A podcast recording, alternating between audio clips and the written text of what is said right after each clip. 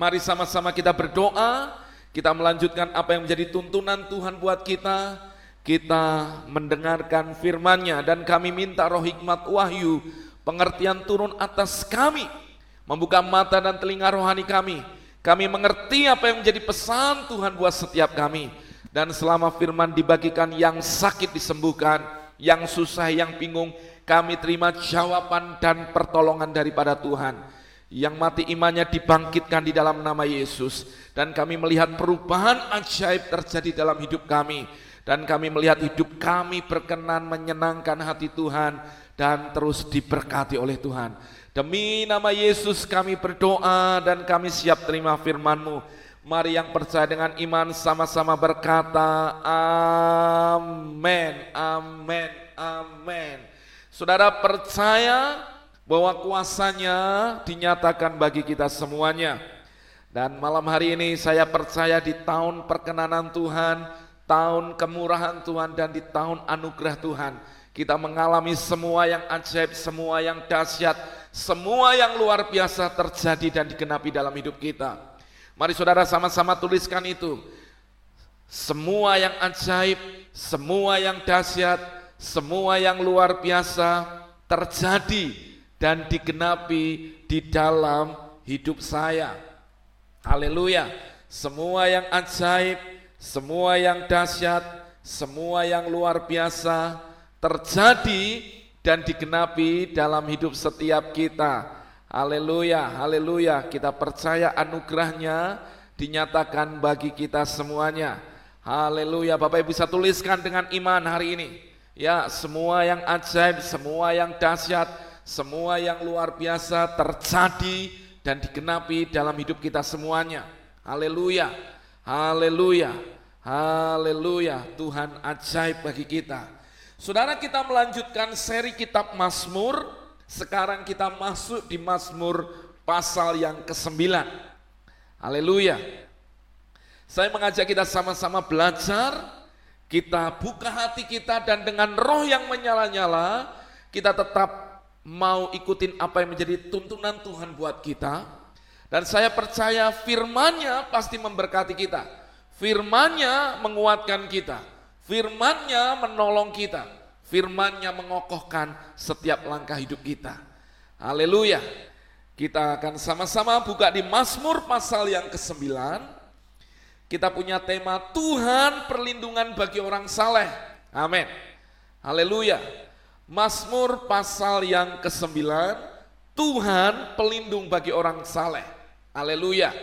Mari buka Alkitab saudara, kita sama-sama belajar dari Mazmur pasal yang ke-9 ini dan kita tangkap, kita dapatkan apa yang menjadi poin yang bisa kita renungkan dan kita bisa hari ini sama-sama belajar dan lakukan dalam hidup kita dari setiap kebenaran firman yang dinyatakan bagi kita semuanya.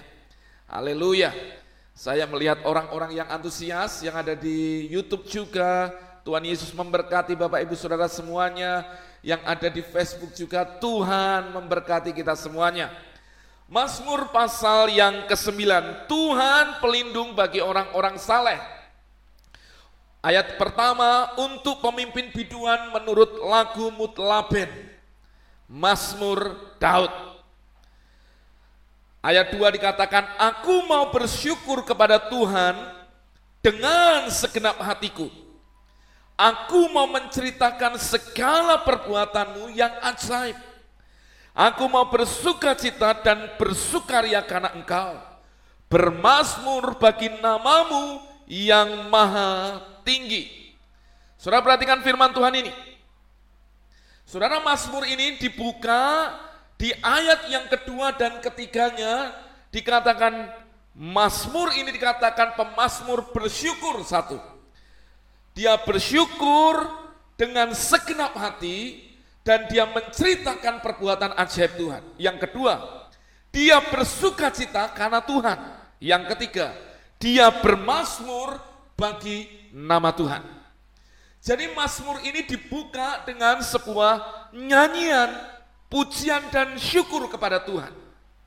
Saudara, Mazmur ini ada sesuatu yang menarik bahwa dia mulai dengan bersyukur, dia mulai dengan bersuka cita dan dia mulai dengan bermasmur bagi nama Tuhan.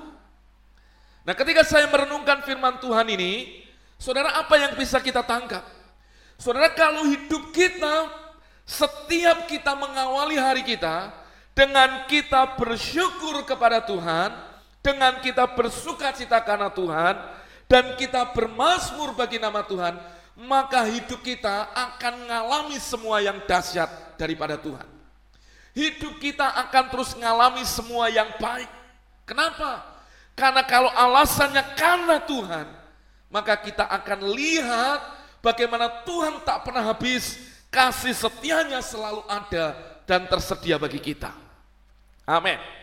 Jadi hari ini awali setiap harimu di tahun perkenanan Tuhan ini untuk engkau terus bersyukur dengan menceritakan, bersaksi akan tentang perbuatan ajaib Tuhan. Engkau bersuka cita atau bersukaria karena nama Tuhan. Dan yang ketiga, bermasmurlah bagi nama Tuhan. Sebab itulah yang harus dikerjakan orang-orang benar setiap dia mengawali harinya. Melibatkan Tuhan di dalam hidupnya.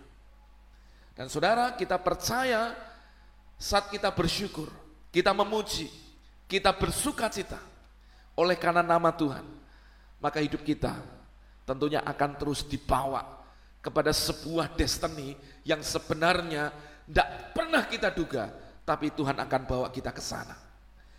Maka pemazmur melanjutkannya dengan berkata di ayat yang keempat, sebab musuhku mundur, tersandung jatuh dan binasa di hadapanmu sebab engkau membela perkaraku dan hakku. Sebagai hakim yang adil engkau duduk di atas tahta. Saudara ada sebuah ucapan syukur yang dinaikkan karena mereka melihat bukan karena pembalasan, tapi karena justru kita sebagai manusia tidak membalas atas musuh-musuh kita. Tapi Tuhan justru yang bela hidup kita. Saudara ketika kita menyadari ini, saudara waktu engkau menjalani kehidupanmu, saya percaya gini loh, ada sesuatu yang kadang itu bisa nyesekin hati kita. Di mana kadang hak kita tidak kita dapatkan. Ada orang-orang tertentu yang mereka coba apa nih mencuri atau mengambil hak yang menjadi bagian kita. Itulah yang pemazmur berkata, itulah musuh-musuhku ada orang-orang yang ingin meneror hidup dari pemazmur ini. Mereka ingin mencelakakan daripada Daud ini sehingga hidupnya ada dalam kondisi tertekan dan terjepit. Tapi lihat, saat dia boleh mengucap syukur, dia mengawali semuanya dengan ucapan syukur. Ternyata, ternyata Tuhan bela haknya. Ternyata Tuhan bela perkaranya. Dan saudara, ketika saya melihat ini, Sesungguhnya bagian kita itu adalah kita mengandalkan dia untuk membela kita.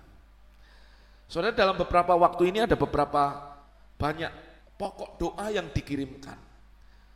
Karena mereka harus menghadapi kasus entahkah kasus hukum sengketa tanah, sengketa rumah yang harusnya itu bukan hak, hak orang tertentu tapi orang itu coba mencuri haknya. Dan saudara, saya ingatkan dari Mazmur ini. Biarkan bukan tanganmu yang membalas.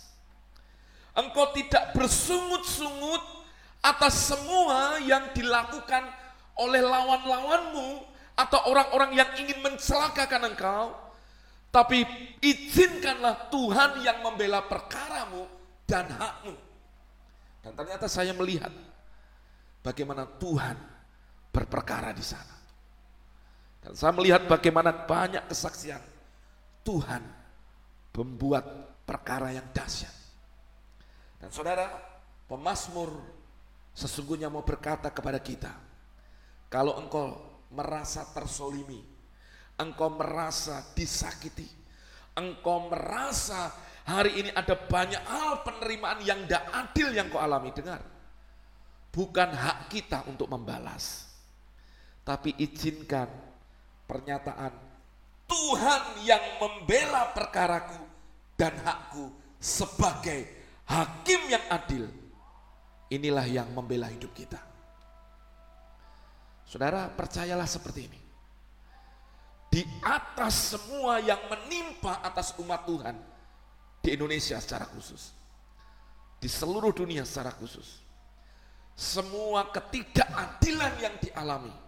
Dengarkan, bukan hak kita untuk kita membalas dengan gigi ganti gigi, ditampar kiri-kiri gantian namar menampar saudara.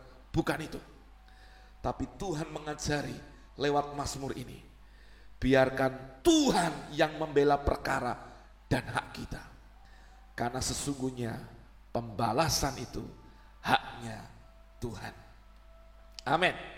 Saudara Ibrani 10 ayat yang ke-30, perhatikan. Saudara buka Ibrani 10 ayat yang ke-30. Haleluya. Ibrani 10 ayat yang ke-30 perhatikan firman Tuhan. Sebab kita mengenal dia yang berkata. Artinya kita mengenal Kristus Tuhan yang berkata. Pembalasan adalah haknya. Tuhanlah akulah yang menuntut pembalasan. Dan lagi Tuhan yang akan menghakimi umatnya. Jadi saudara, yang kita perlu sadarkan dalam hidup kita, ketika engkau sedang mengalami himpitan karena orang-orang tertentu, ada orang-orang yang ingin menekan, mengintimidasimu, dengarkan ini. Hakmu adalah di dalam Tuhan. Katakan amin. Hakmu di dalam Tuhan.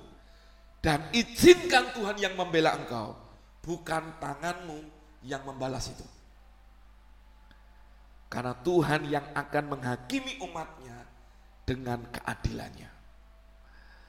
Maka kok saudara ketika saya merenungkan ini, saya terlalu percaya. Kenapa kekristenan tidak bisa dihancurkan?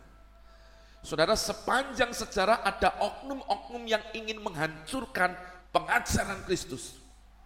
Ingin menghancurkan, ingin mematikan pemberitaan Injil Tuhan. Tapi selalu gagal.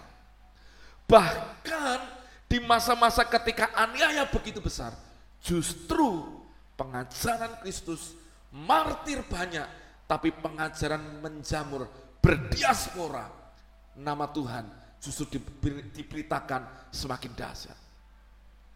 Karena ketika ada darah tercurah, ada yang namanya kebangunan rohani di mana-mana. Karena Tuhan yang membalas, bukan tangan kita tapi Tuhan yang berperkara dan membela hak kita. Saudara kalau renungkan dalam kehidupan Daud, beberapa kali dia hendak dibunuh oleh mertuanya sendiri. Dan Daud punya kesempatan juga untuk membunuh Saul sebelum dia terbunuh. Dua kali dia punya kesempatan untuk bisa membunuh Saul. Tapi dengar, Daud tidak lakukan kejahatan seperti itu.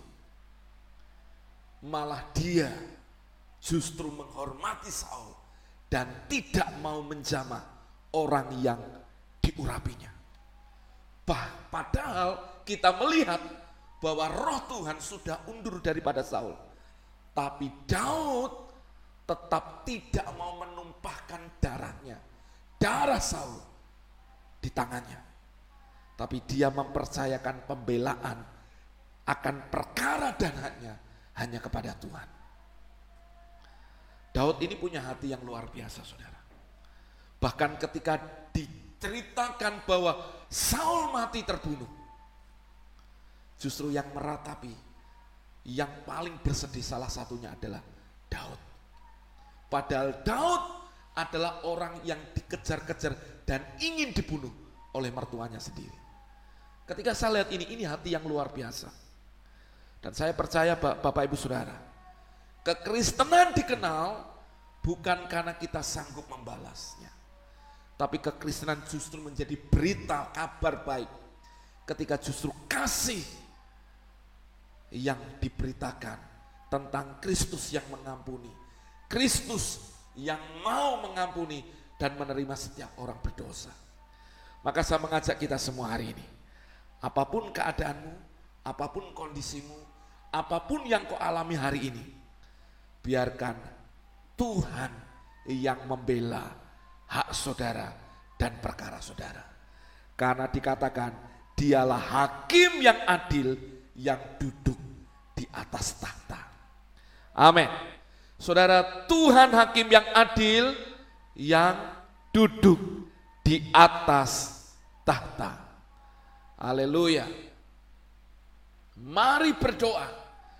Berdoa bukan untuk supaya saudara bergembira karena orang itu boleh dihajar Tuhan habis apa yang bukan. Tapi biarkan orang itu mengalami pertobatan dan diselamatkan oleh Tuhan. Amin, saudara. Saudara lanjutkan di ayat yang ke-6. Engkau telah menghardik bangsa-bangsa, telah membinasakan orang-orang fasik, nama mereka telah kau hapuskan untuk seterusnya dan selama-lamanya.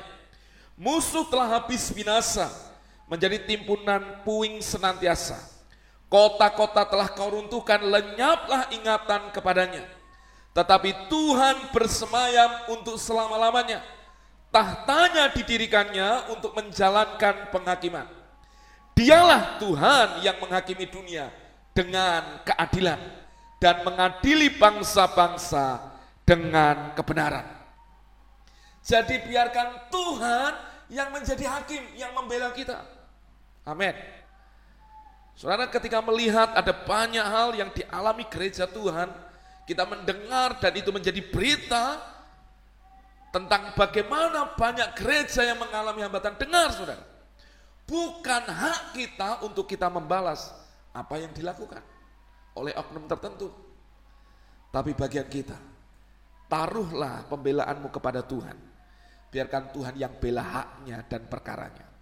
Kalau Tuhan yang campur tangan, saudara, Tuhan yang akan menyatakan kuasa dan kebesarannya.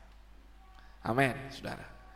Saudara biarkan kita berdoa menjadi umat Tuhan yang terus berdoa buat bangsa ini. Sehingga umat Tuhan boleh beribadah, boleh menyembah Tuhan tanpa ada sebuah intimidasi atau tekanan. Umat Tuhan boleh beribadah dengan aman, dengan perlindungan. Dan kita percaya Tuhan kalau bela haknya setiap umatnya, Tuhan yang akan berperkara dengan cara yang dahsyat. Selanjutnya saudara di ayat yang ke-10. Demikianlah Tuhan adalah tempat perlindungan bagi orang yang terinjak. Ini yang saya mau garis bawahi.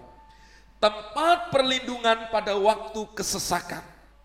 Orang yang mengenal namamu percaya kepadamu sebab tidak kau tinggalkan orang yang mencari engkau ya Tuhan. Saudara perhatikan ini di ayat 10 dan 11 ini. Saudara, jadi Tuhan itu yang akan menjadi perlindungan bagi orang yang terinjak. Dan tempat perlindungan bagi orang yang hari ini mengalami kesesakan. Saudara, dua hal orang ini, dua orang ini adalah model orang yang sebenarnya tidak lagi punya kekuatan untuk membela.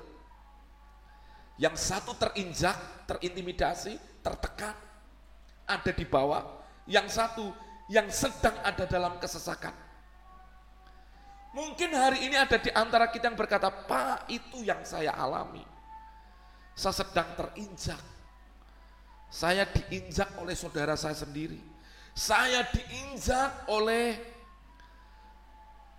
teman sekerabat saya, kerabat saya yang bisnis dengan saya.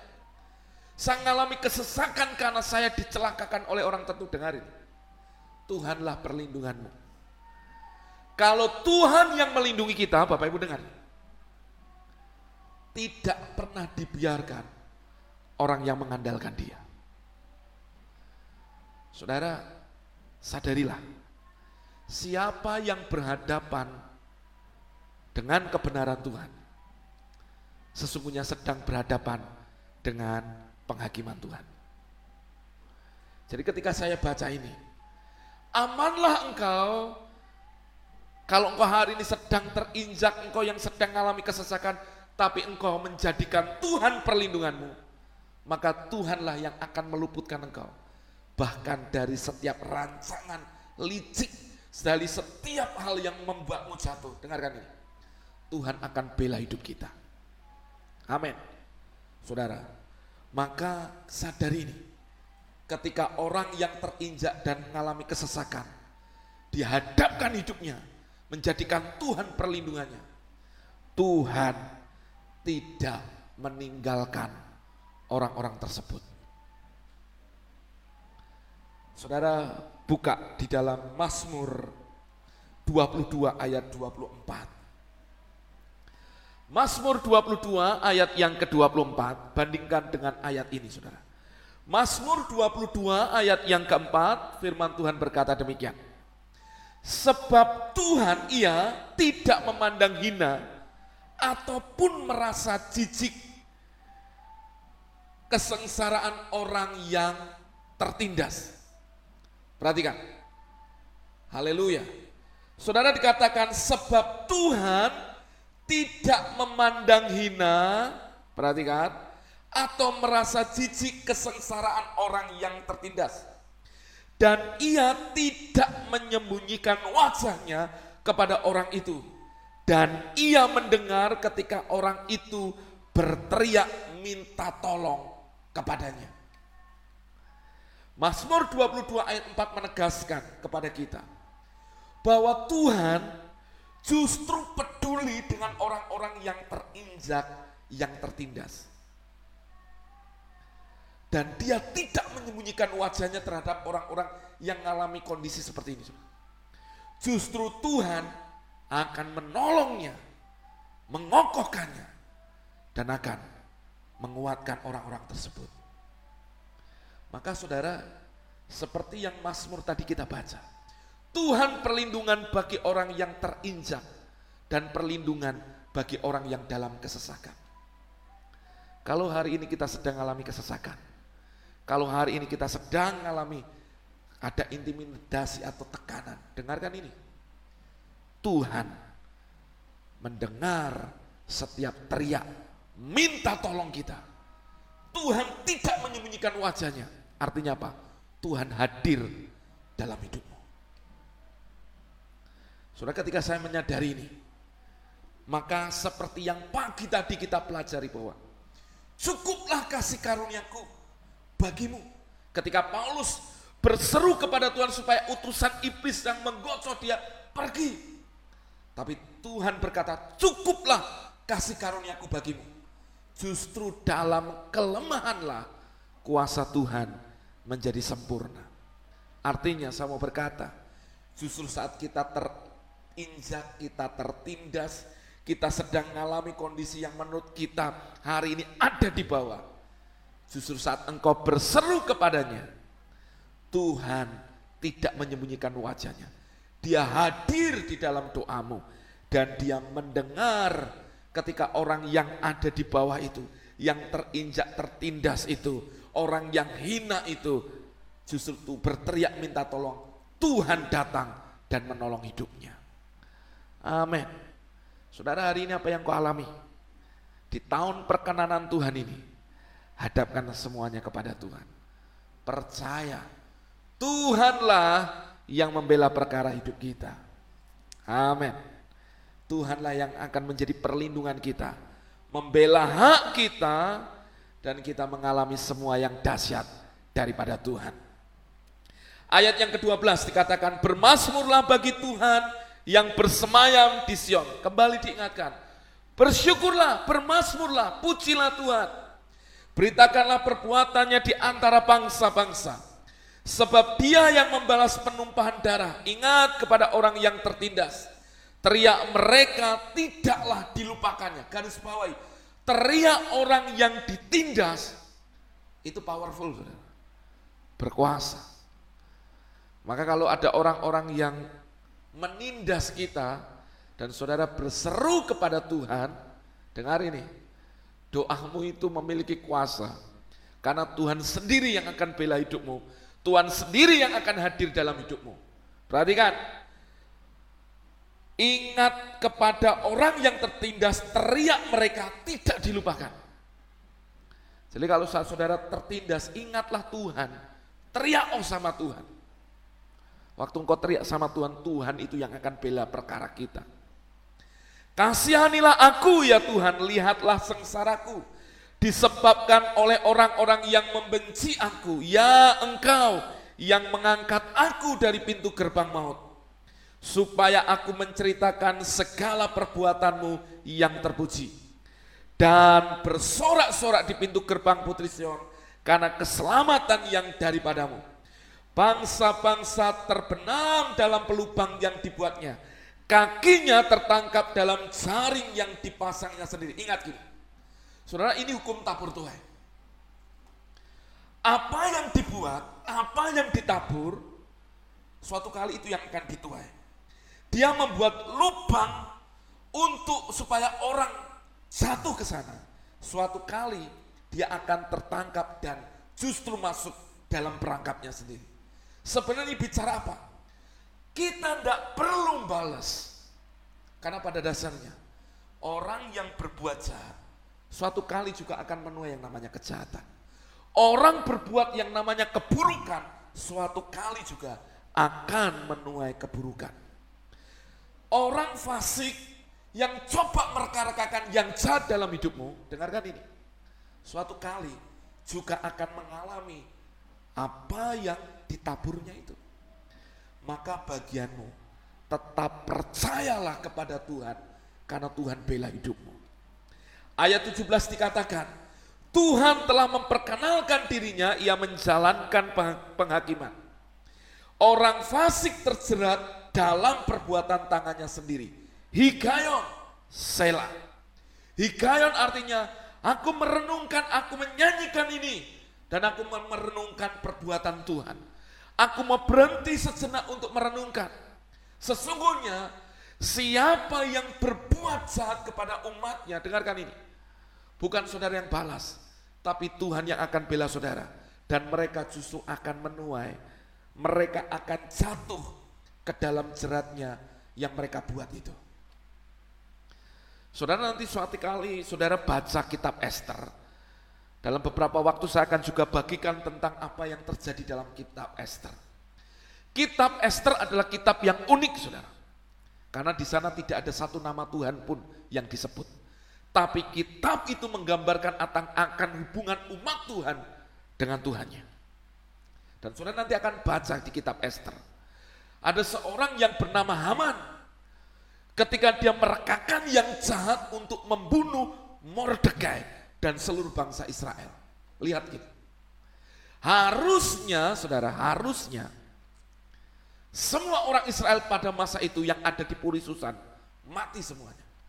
Tapi justru Tuhan buat pembalikan keadaan. Justru jerat itu justru menangkap akan mereka yang merekakan yang jahat. Justru harusnya Esther dan semua orang Israel mati. Tapi terjadi pembalikan keadaan. Di mana Haman harus mati digantung di tempat di mana harusnya Mordekai yang digantung di situ. Ini bicara apa? apa yang Tuhan buat, selalu Tuhan bisa membalikkan keadaan. Dan salah satu hal yang saudara perlu ingat bahwa ada hukum tabur tuai. Ketika seseorang menabur semua yang jahat dalam hidupnya, suatu kali dia juga akan menuai dalam hidupnya sesuatu yang tidak baik.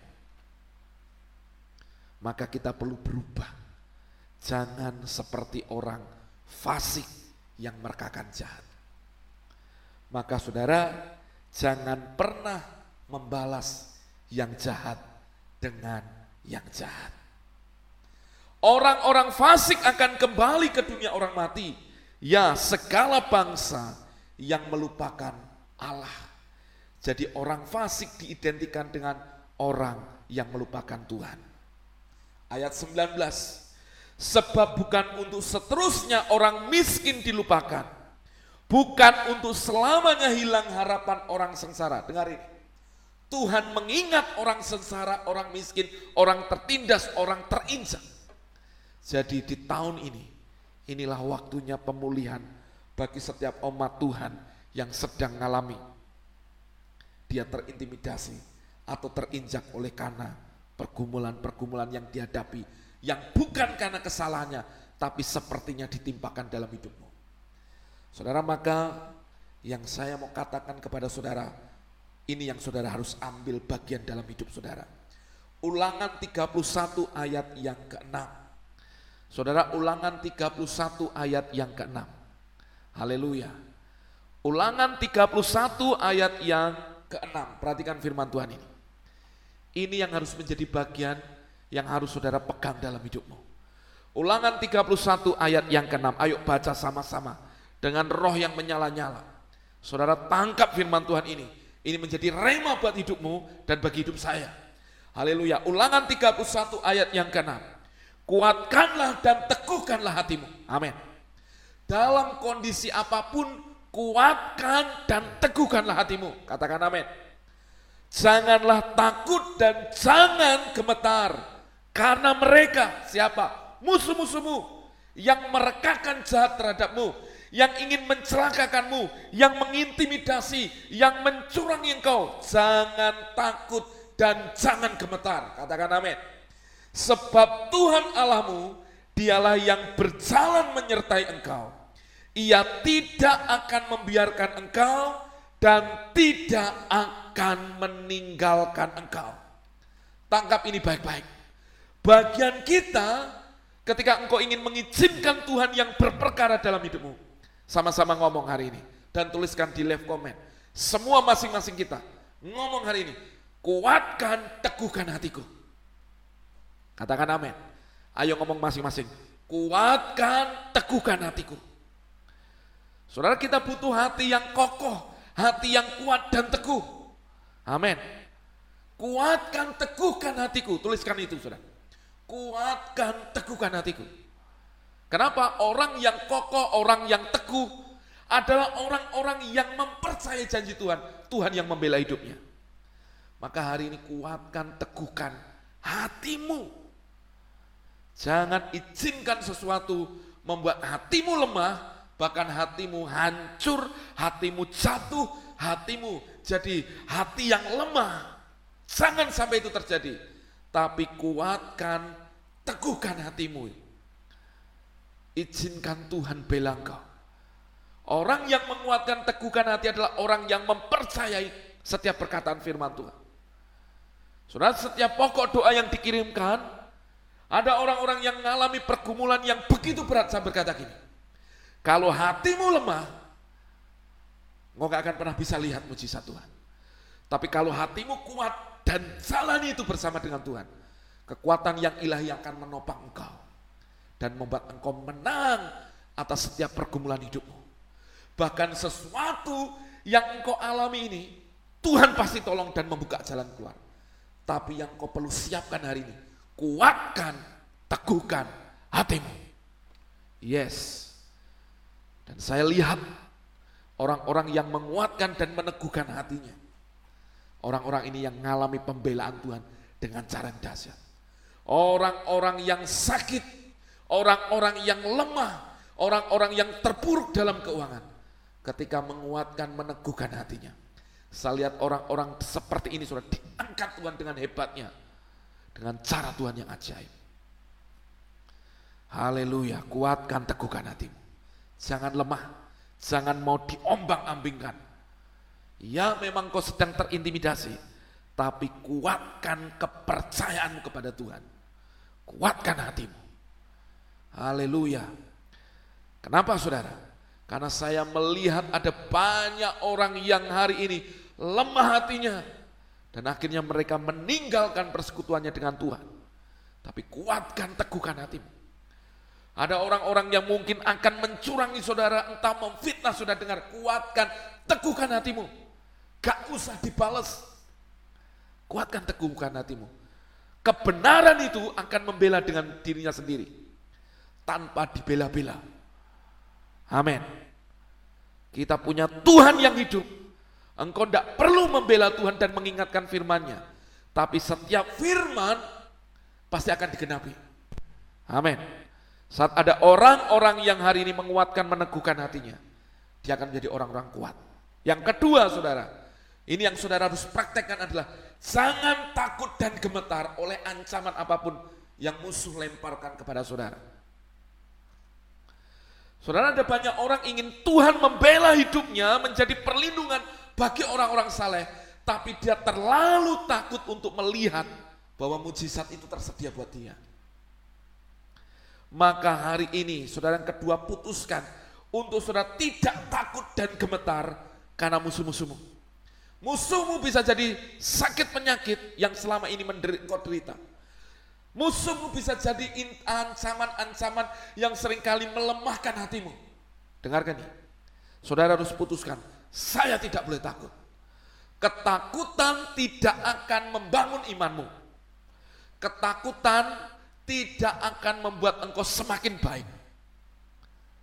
Saudara, tapi yang saudara harus bangkitkan. Saudara harus berani, percaya, pegang firman Tuhan. Lebih daripada apa pun.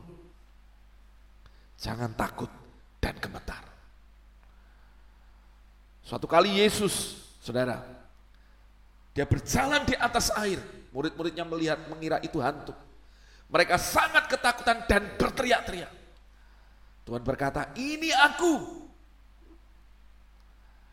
Saudara, orang yang takut akan melihat Tuhan seperti hantu. Itu terbukti buat murid-muridnya. Mereka lihat mujizat Tuhan, mereka lihat Tuhan berjalan di atas air mendatangi mereka. Karena ketakutan mereka mengira Tuhan yang di depannya, Yesus yang di depannya adalah hantu. Sampai akhirnya Tuhan berkata, ini aku, jangan takut. Karena hantu tidak mungkin berkata jangan takut. Saudara, jangan takut dengan kondisimu. Jangan gemetar dengan apa yang kau alami. Hanya kuatkan kepercayaanmu. Buang ketakutan-ketakutan hari ini, ketakutan sakit penyakit, ketakutan tidak bisa bayar utang, ketakutan masa depan, ketakutan untuk ini itu yang selama ini menggerogoti imanmu hari ini, singkirkan itu dalam hidupmu. Kalau engkau ingin lihat perlindungan Tuhan bagi orang-orang yang saleh, maka bagianmu singkirkan setiap ketakutan-ketakutan, kekhawatiran-kekhawatiran, kecemasan-kecemasan yang berlebih yang sering kali membuat hatimu justru tidak dibangun dalam iman, tapi membuat engkau malah semakin down. Harus berani percaya. Berani untuk mempercayai janji Tuhan. Saudara orang yang demikian akan mengalami janji Tuhan. Yang ketiga bagian kita, Tuhan berkata, Tuhan yang berjalan menyertai tidak membiarkan engkau dan tidak meninggalkan engkau. Tangkap baik-baik ini dalam hidupmu. Katakan dengan iman hari ini, Tuhan berjalan menyertai saya, Tuhan tidak membiarkan saya, dan Tuhan tidak meninggalkan saya. Tangkap baik-baik ini dalam hidupmu. Tuhan berjalan menyertai saya, tidak membiarkan saya, berarti Tuhan peduli, dan tidak meninggalkan engkau, berarti Tuhan selalu hadir di dalam pergumulan yang kau hadapi. Di tahun perkenanan ini harus ada sebuah yang berubah dalam hidup kita. Kesadaran kita akan Tuhan. Tuhan berjalan menyertai kita, Tuhan tidak membiarkan kita, dan Tuhan tidak meninggalkan kita. Tiga hal ini saudara, kesadaran ini akan membuat hidupmu berbeda. Engkau akan melayani, engkau akan bertindak, engkau akan melakukan sesuatu. Engkau sadar, Tuhan berjalan bersama saya. Tuhan tidak biarkan saya. Tuhan tidak meninggalkan saya. Dan sesungguhnya ketika kesadaran itu muncul dalam hidupmu, engkau akan menjadi orang yang berbeda pasti. Amin. Amin. Maka saudara, Daud menyadari ini. Maka dia terus kuatkan kepercayaan sampai Tuhan membela dia. Maka kalau kita kembali ke ayat 19 tadi dikatakan, bukan untuk seterusnya orang miskin dilupakan. Manusia bisa melupakan orang miskin, bahkan orang-orang yang sengsara bisa kehilangan pengharapan, tapi bukan untuk selamanya. Artinya sama berkata, pergumulanmu tidak kekal. Tuhan akan turun tangan membela hidupmu. Maka kuatkan kepercayaanmu kepada Tuhan. Jangan takut dan sadari Tuhan berjalan menyertai engkau, tidak membiarkan engkau dan tidak meninggalkan engkau. Saudara, engkau bisa jadi hari ini mendengar engkau adalah seorang oma, engkau seorang nenek, atau engkau seorang opa yang mungkin usiamu sudah di atas 60 tahun. Mungkin kau memperhatikan bagaimana anakmu dan cucu-cucumu. Dengarkan ini. Jangan izinkan ketakutan, kegelisahan, bahkan hidupmu merasa seperti dalam bayang-bayang ketakutan-ketakutan yang sebenarnya engkau cipta dalam pikiran. Kau harus berani berkata, aku tidak boleh takut. Aku percaya Tuhan yang menyertai anak cucuku, keluarga besarku. Di tahun perkenanan ini, aku melihat janji Tuhan digenapi satu persatu dalam hidupku. Lihat nanti, Tuhan yang bela hidup kita, Tuhan yang memberkati setiap kita. Amin, saudara. Biarkan Tuhan yang bela hakmu. Amin. Kalau hari ini ada di antara engkau yang berkata, Pak, saya ingin bel dibela Pak dalam pergumulan dengan istri saya atau suami saya. Jangan balas. Saudara harus hadapkan itu pada Tuhan. Kuatkan, teguhkan hatimu. Tuhan yang akan membela umatnya ketika umatnya boleh mengandalkan dia dengan sepenuhnya. Saya berdoa malam hari ini, setiap kita disadarkan, ya tidak ada yang namanya kita yang merasa terpuruk karena kita merasa ditinggalkan, karena kita menyadari Tuhan tidak pernah meninggalkan kita. Kita menyadari Tuhan tidak membiarkan kita. Jadi dalam segala kondisi di mana engkau terintimidasi, terinjak, tersakiti dalam kesesakan. Tuhan yang akan datang membela hak Bapak Ibu Saudara. Dia perlindunganmu bagi orang-orang yang saleh, orang-orang yang berharap hanya kepadanya. Amin. Maka ayat 20-21 dikatakan bangkitlah Tuhan. Janganlah manusia merajalela. Manusia siapa? manusia orang-orang fasik tadi yang menindas, yang melakukan kejahatan. Biarlah bangsa-bangsa dia kami dihakimi di hadapanmu. Biarlah mereka menjadi takut ya Tuhan. Sehingga bangsa-bangsa itu mengakui bahwa mereka manusia saja sela. Artinya apa? Supaya mereka menyadari ada Tuhan yang membela hidup umatnya. Jadi mereka nggak semaunya mereka, nggak semena-mena, tapi mereka menyadari ada Tuhan atas orang-orang saleh, orang-orang yang mengandalkan Tuhan, orang yang percaya kepada nama Tuhan. Maka saudara akan lihat pembelaan Tuhan dalam hidupmu akan dilihat oleh semua orang dan mereka menyatakan memang kita disertai Tuhan. Amin. Mari dengan semangat berkata hari ini, saya dibela Tuhan. Hak saya, perkara saya pasti dibela Tuhan. Ayo tuliskan di left comment saudara. Hak saya, perkara saya pasti dibela oleh Tuhan. Amin, amin. Puji nama Tuhan. Haleluya. Saya rindu ada orang-orang yang mau berkata gini, aku gak mau balas, aku serahkan semuanya kepada Tuhan. Dan biarkan hak kita, perkara kita, Tuhan yang bela. Kalau Tuhan yang bela, siapa yang sanggup lawan kita? Gak ada saudara. Maka saudara sadari, Tuhan membela hidupmu. Tuhan mengasihi hidupmu. Tuhan mencintai saudara. Makanya kuatkan teguhkan hatimu. Amin. Di mana pun saudara berada. Haleluya. Saudara, hakmu itu di dalam Tuhan. Biarkan Tuhan yang membawa, menggenapkan hakmu menjadi bagianmu. Bukan dengan tanganmu. Tapi Tuhan yang berperkara di sana. Haleluya. Haleluya. Haleluya. Bawa hidupmu kepada Tuhan. Saudara jangan kutuki orang-orang yang ada di sekeliling kita. Saudara, Tadi siang saya sempat terperanjat karena ada satu pokok doa yang dikirimkan untuk berdoa. Dia menyebutkan nama dari anggota keluarganya. Karena dia merasa orang yang ada dalam anggota keluarganya ini yang merusak hubungan dia dengan mertuanya. Bahkan yang gak enak dia berkata, nama ini, nama ini adalah setan. Ketika saya membaca ini saudara, sesungguhnya saya berkata gini loh. Sebenarnya yang perlu berubah itu bukan orang lain dulu. Hati kita. Kalau engkau sadari bahwa Tuhan hakim yang adil. Perlindungan bagi orang-orang saleh, orang yang terinjak, orang yang terhina, orang yang dalam kesesakan. Maka engkau akan percayakan pembelaanmu hanya kepada Tuhan.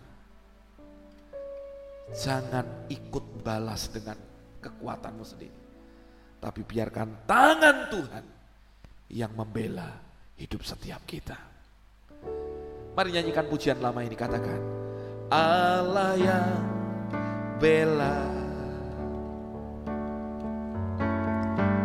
Siapa lawan dia? Lebih dari pemenang dalam segala hal. pasti dapat lakukan semua Yesus kekuatan Oh terpujilah namanya Saudara percaya pembelaan Tuhan Saudara percaya Tuhan membela hakmu Saudara percaya berkatmu tidak akan pernah lari dari hidupmu. Hadapkan kepada Tuhan. Tuhan yang bela hidup kita. Sama-sama katakan. Allah yang bela. Siapa lawan dia?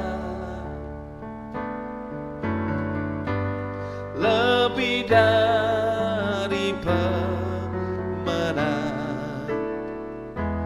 dalam segala hal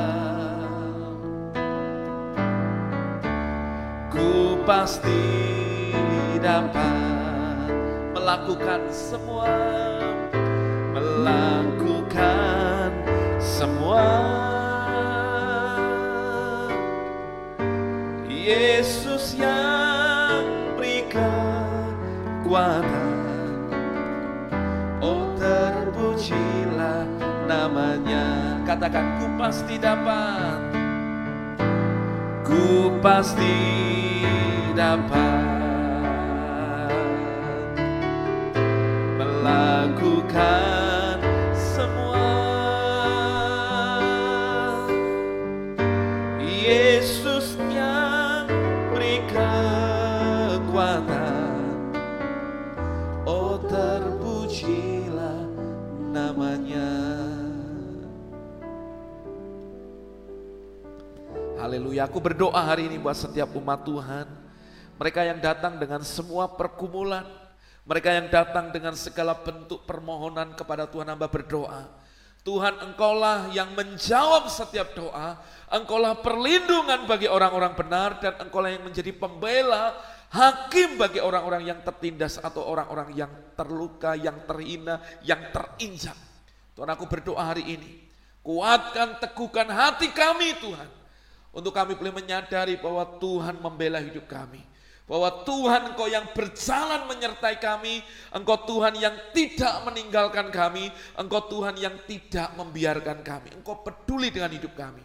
Aku berdoa bahwa setiap pokok-pokok doa yang dikirimkan lewat WhatsApp, lewat live comment ini, Tuhan, aku berdoa, Engkau yang bela hidup setiap kami. Pemulihan, kesembuhan, mujizat, perkara ajaib apa pun yang didoakan, apa pun yang dirindukan. Aku berdoa di dalam nama Yesus, dalam kehendak Tuhan terjadilah seperti apa yang Tuhan mau. Tuhan terima kasih, aku berdoa buat yang sakit, aku berkata engkau kuat dan engkau menjadi orang-orang yang menang. Engkau orang-orang yang boleh lepas dan mengalami kesembuhan. Ada kekuatan ilahi yang menyembuhkan hidupmu. Di dalam nama Yesus aku berdoa buat yang bergumul dengan masalah keluarga, masalah rumah tangga, dalam masalah hubungan suami istri, Tuhan memulihkan dengan utuh. Rumah tangga menjadi harmonis, damai sejahtera Tuhan mengalir, berkat Tuhan mengalir atas setiap hidup umatmu. Hamba berdoa di dalam nama Yesus, terimalah berkat yang terbaik dari Allah Bapa, cinta kasih daripada Tuhan Yesus, dan persekutuan yang manis daripada Allah Roh Kudus, menyertai memberkati hidup Bapak Ibu Saudara semua dari hari ini sampai selama-lamanya. Yang terima berkat Tuhan dengan iman sama-sama berkata, Amin. God bless you all.